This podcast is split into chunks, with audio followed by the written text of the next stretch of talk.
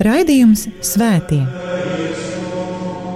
Katrā laikmetā ir dzīvojuši daudz svētie, un katrai paudzei tie ir un paliek kā dzīvās ticības liecinieki.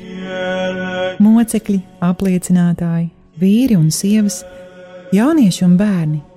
Svētie ir tik dažādi, gluži kā mēs, bet ir kāda īpašība, kura visus svētos vieno.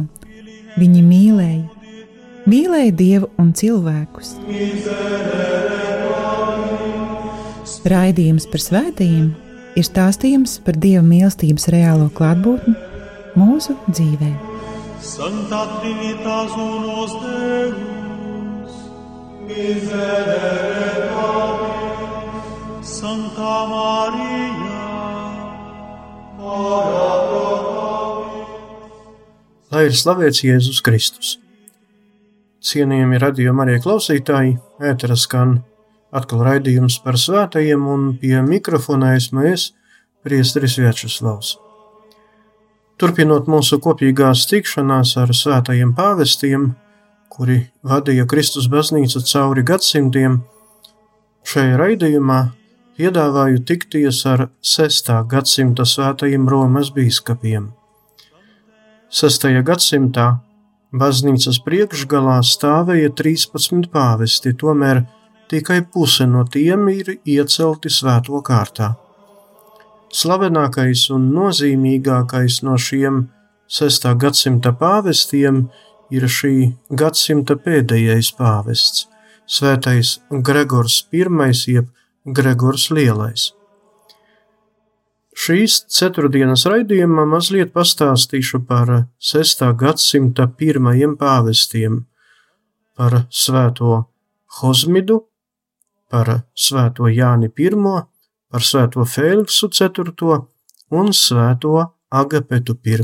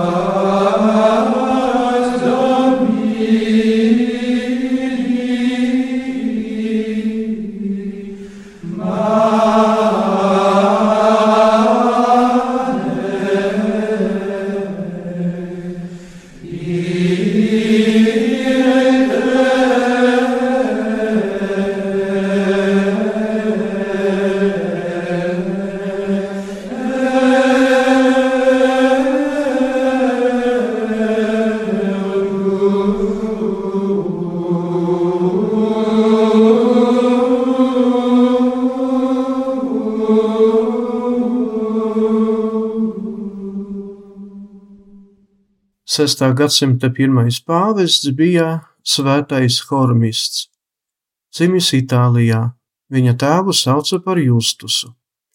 Svētā pāvesta Simaha laikā Hormists pildīja diakona pienākumus, bet pēc šī svētā pāvesta nāves 514. gada 20. jūlijā tika ievēlēts par nākamo Romas bīskapu. Šī gadsimta sākumā pār rietumiem valdīja Ostgotu valdnieks Teodoriks, bet pār austrumiem imperators Anastasijas. Jāsaka, ka Hosmista pontifikāts iesākās diezgan mierīgi un laimīgi, jo viņam izdevās pārtraukt schizmas nelaimi, kura baznīcu sākot ar 484. gadu plosīja veselus 30 gadus. Arī pašā Romā Hormistam izdevās veiksmīgi apvienot visus kristīgos, kuri bija sadalījušies uz dažādām reliģiskām partijām. Nedaudz sarežģītāk šim svētajam pāvestam gāja attiecībās ar austrumu imperatoru. Imperators Anastasijas pieprasīja no pāvesta, lai tas pazemīgi lūdz no imperatora sev apstiprinājumu un atļauju vadīt Romas baznīcu. Pāvests izsūtīja pie imperatora lielu delegāciju, kuras mērķis tomēr nebija lūgt apstiprinājumus un atļaujas no imperatora, jo tad patiešām tas būtu par apstiprinājumu atkarībai no laicīgās varas. Delegācija devās pie imperatora, lai apspriestu dažādus svarīgus baznīcas jautājumus. Imperators Anastasijas noraidīja un nepieņēma delegātus. Tad pāvests Hormists delegāciju atkārtoti sūtīja pie Austrumu baznīcas patriārhiem un bīskapiem. Imperators Anastasija to uzskatīja par Romas pāvesta iejaukšanos Austrumu baznīcas iekšējās lietās. Delegācija tika arestēta, un imperators izdeva pavēli visus nonāvēt. Situācija mainījās pēc imperatora Anastasija nāves. Nākamais austrumu imperators Justīns I bija ieinteresēts uzturēt draudzīgas attiecības ar Romu, jo tajā viņš saskatīja savas ietekmes palielināšanu rietumu pusē. Pāvesta jaunā delegācija tika uzņemta draudzīgi, un imperators Justīns pavēlēja Konstantinopolis patriārham Jānim atjaunot attiecības ar Romas baznīcu. Svētajam pāvestam Hormistam svarīgi bija uzturēt arī draudzīgas attiecības ar rietumu zemēs valdošajiem. Sūtņi tika sūtīti pie Francijas, Anglijas, Vācijas un Spānijas karaļiem. Šī pāvesta pavēli pildot, Romas mūks vārdā Dionīzijas apkopa vienā dokumentā visus rietumu un austrumu baznīcas sinožu pieņemtos lēmumus. Diemžēl dokuments nav saglabājies. Svētais pāvests Hormists piedzima debesīm 523. gada 6. augustā, novadījis baznīcu deviņus gadus. Ar šo pāvestu saistās Romas baznīcas garīdzniecības celibāta jautājums. Svētajam Hormistam bija dēls. Viņu sauca par Silvēriju. Viņš kļuva par pāvestu 536. gadā. Hormists tika ievēlēts par Romas pāvestu kā precēts cilvēks, viņam bija ģimene. Laika gaitā, ņemot vērā apstuļu tradīciju un mācību, arī līdzšanējo baznīcas pieredzi, Latīņu baznīca pieņēma lēmumu prasīt no savas garīdzniecības celibatu. Austrumu baznīcā celibāta prasības tiek piemērotas tikai mūku kārtai, no kuras vidus tiek izraudzīti bīskapi. Šāda kārtība pastāv līdz pat mūsdienām. Svētā pāvesta Hormista relikvijas tika apbedītas Romā Svētā Klementa bazilikā.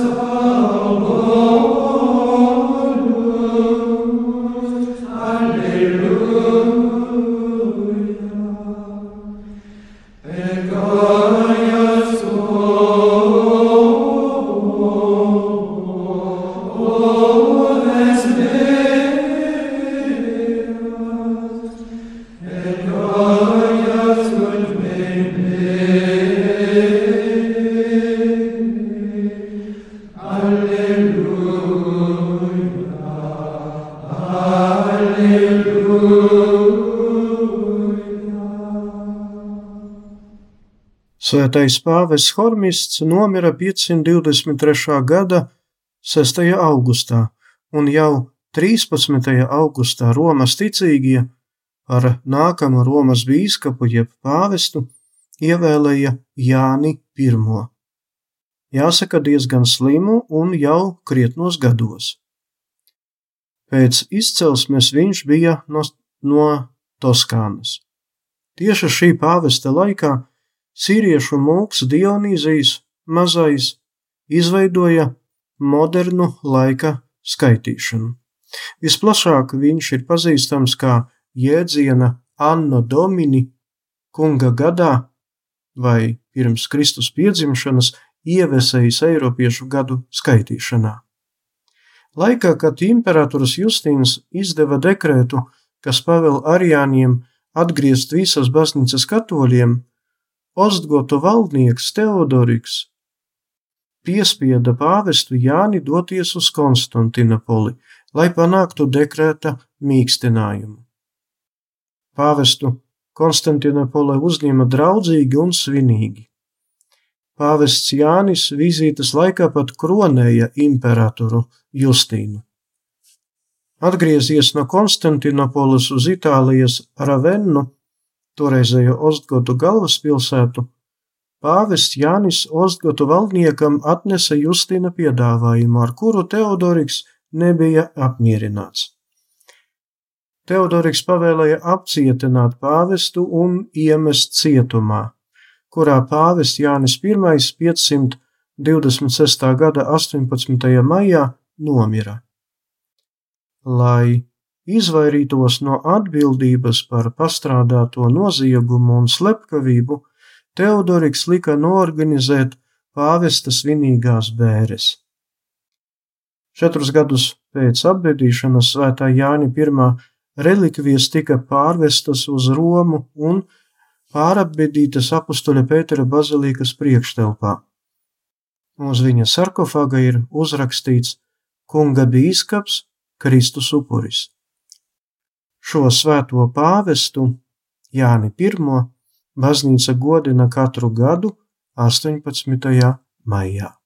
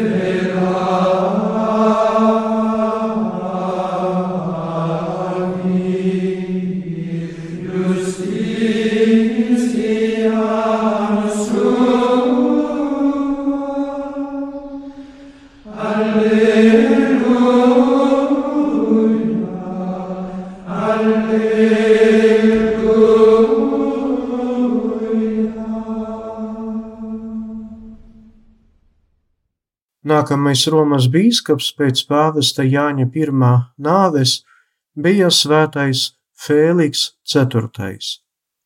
Viņu ievēlēja 526. gada 12. jūlijā. Ostgotu valdnieks Teodoriks piekrita viņa ievēlēšanai, jo vēlējās pāvestu izmantot savu politisko mērķu sasniegšanai. Tomēr pāvests palika uzticīgs baznīcai un nepakļāvās laicīgajai varai. Teodoriks padzina pāvestu. 530. gada 22. septembrī pāvests nomira un tika apbedīts, un tikai pēc Teodorika nāves pāvestu Fēliksu IV drīkstēja pārapbedīt apustuļa Pētera bazilikas apakšējās kriptās. Šis pāvests vēsturē ir pazīstams kā izcils svētā Augustina rakstu pazinējs un pētnieks. Augustina rakstus pāvests Fēliks IV izmantoja, cīnoties kopā ar Arle svēto Cēzaru pret semipelagiešu sektu, kuras piekritēji sludināja, ka pestīšanu cilvēks var iegūt pats saviem spēkiem un nekāda dieva žēlastība viņam nevajagot. Īsi pirms savas nāves pāvests Fēliks IV pravietiski nozīmēja savu pēcteci, uzlikdams paliju savam arhidiakonam Bonifācijam. Šī pāvesta laikā Romā tika uzbūvēta bazilika svēto brāļu mocekļu, ārstu aizbildņu, Kozmas un Damjana godam. Šī pāvesta dzīves laikā darbojās svētais Benedikts. Viņš 529. gadā izveidoja savu klosteri Montekasino, kas ar laiku kļuva par visas Eiropas garīgās un kultūras dzīves centru. Svēto pāvestu Fēliksu IV godina 22. septembrī. Ave Regina Celorum, Ave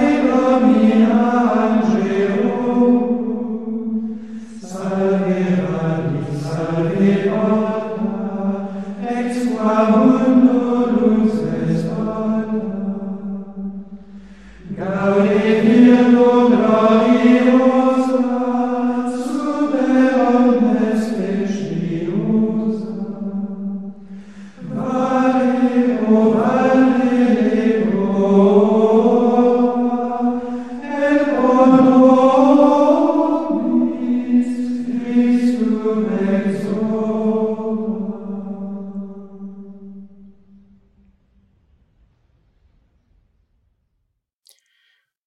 Burtiski uzreiz pēc pāvesta Fēliksa 4.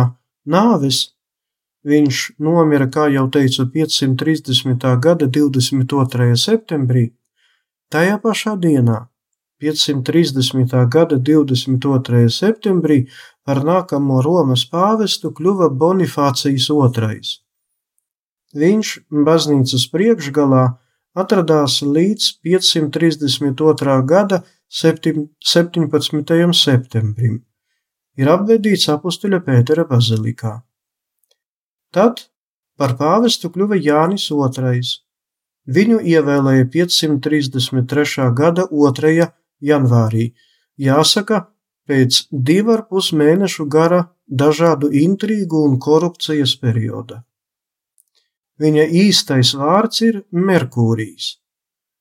Vārds Merkūrijs ir saistīts ar senās Romas dievekli, un šī iemesla dēļ šis pāvests ir pirmais, kurš pamainīja savu vārdu, pieņemdams vārdu Jānis II. Vēl jāpiebilst, ka Jānis II ir pirmais citautietis Romas bīskapa tronī. Viņš bija gods. Nomira 535. gada 8. maijā un ir apbedīts apustuļa Pētera bazilikā. Gan Bonifācijas II, gan Jānis II netika atzīti par svētajiem, un tāpēc šī raidījuma izskaņa lielāku uzmanību pievērsīsim nākamajam 6. gadsimta pāvestam, kuram vārds ir Agapets I. Viņš ir romietis, un pildīja Romas baznīcas arhidiakona pienākumus. Par pāvestu tika ievēlēts 535. gada 13. maijā. Savā samērā īsa pontifikāta laikā, tie ir nepilni divi gadi, Svētais Agapets centās sakārtot Romas baznīcas iekšējās kārtības lietas. Tā skaitā arī pāvestu ievēlēšanas kārtību. Nodefinēja savu attieksmi pret arianismu, aizliedza lajiem publiski mācīt dievkalpojuma laikā. Savas dzimtas māju pārveidoja par biblioteku pie topošās Romas universitātes. Arī šim pāvestam, tāpat kā svētajam pāvestam Jānim I, bija lemts pabūt Konstantinopolē, uz kurieni viņu sūtīja Itālijas karalis ar nolūku apstādināt imperatora Justīna plānus uzbrukt Itālijai, kura toreiz bija par Ostgotu impērijas sastāvdaļu. Lai varētu apmaksāt šo ceļojumu uz Konstantinopoli, Pāvestam vajadzēja iekielāt dažādus baznīcas liturgiskos priekšmetus, kas liecināja par Romas baznīcas zemu ekonomisku stāvokli. Jāsaka, ka pāvesta Agapeta mīsija Konstantinopolē nenesa rezultātus. Atceļā uz Romu, bet citi uzskata, ka vēl pašā Konstantinopolē Pāvests nomira 536. gada 22. aprīlī. Viņš ir apbedīts apustuļa Pētera bazilikas portikā. Tas šajā raidījumā ir viss. Liels paldies par uzmanību! Ar jums bija priesteris Vjačeslavs, lai ir slavēts Jēzus Kristus.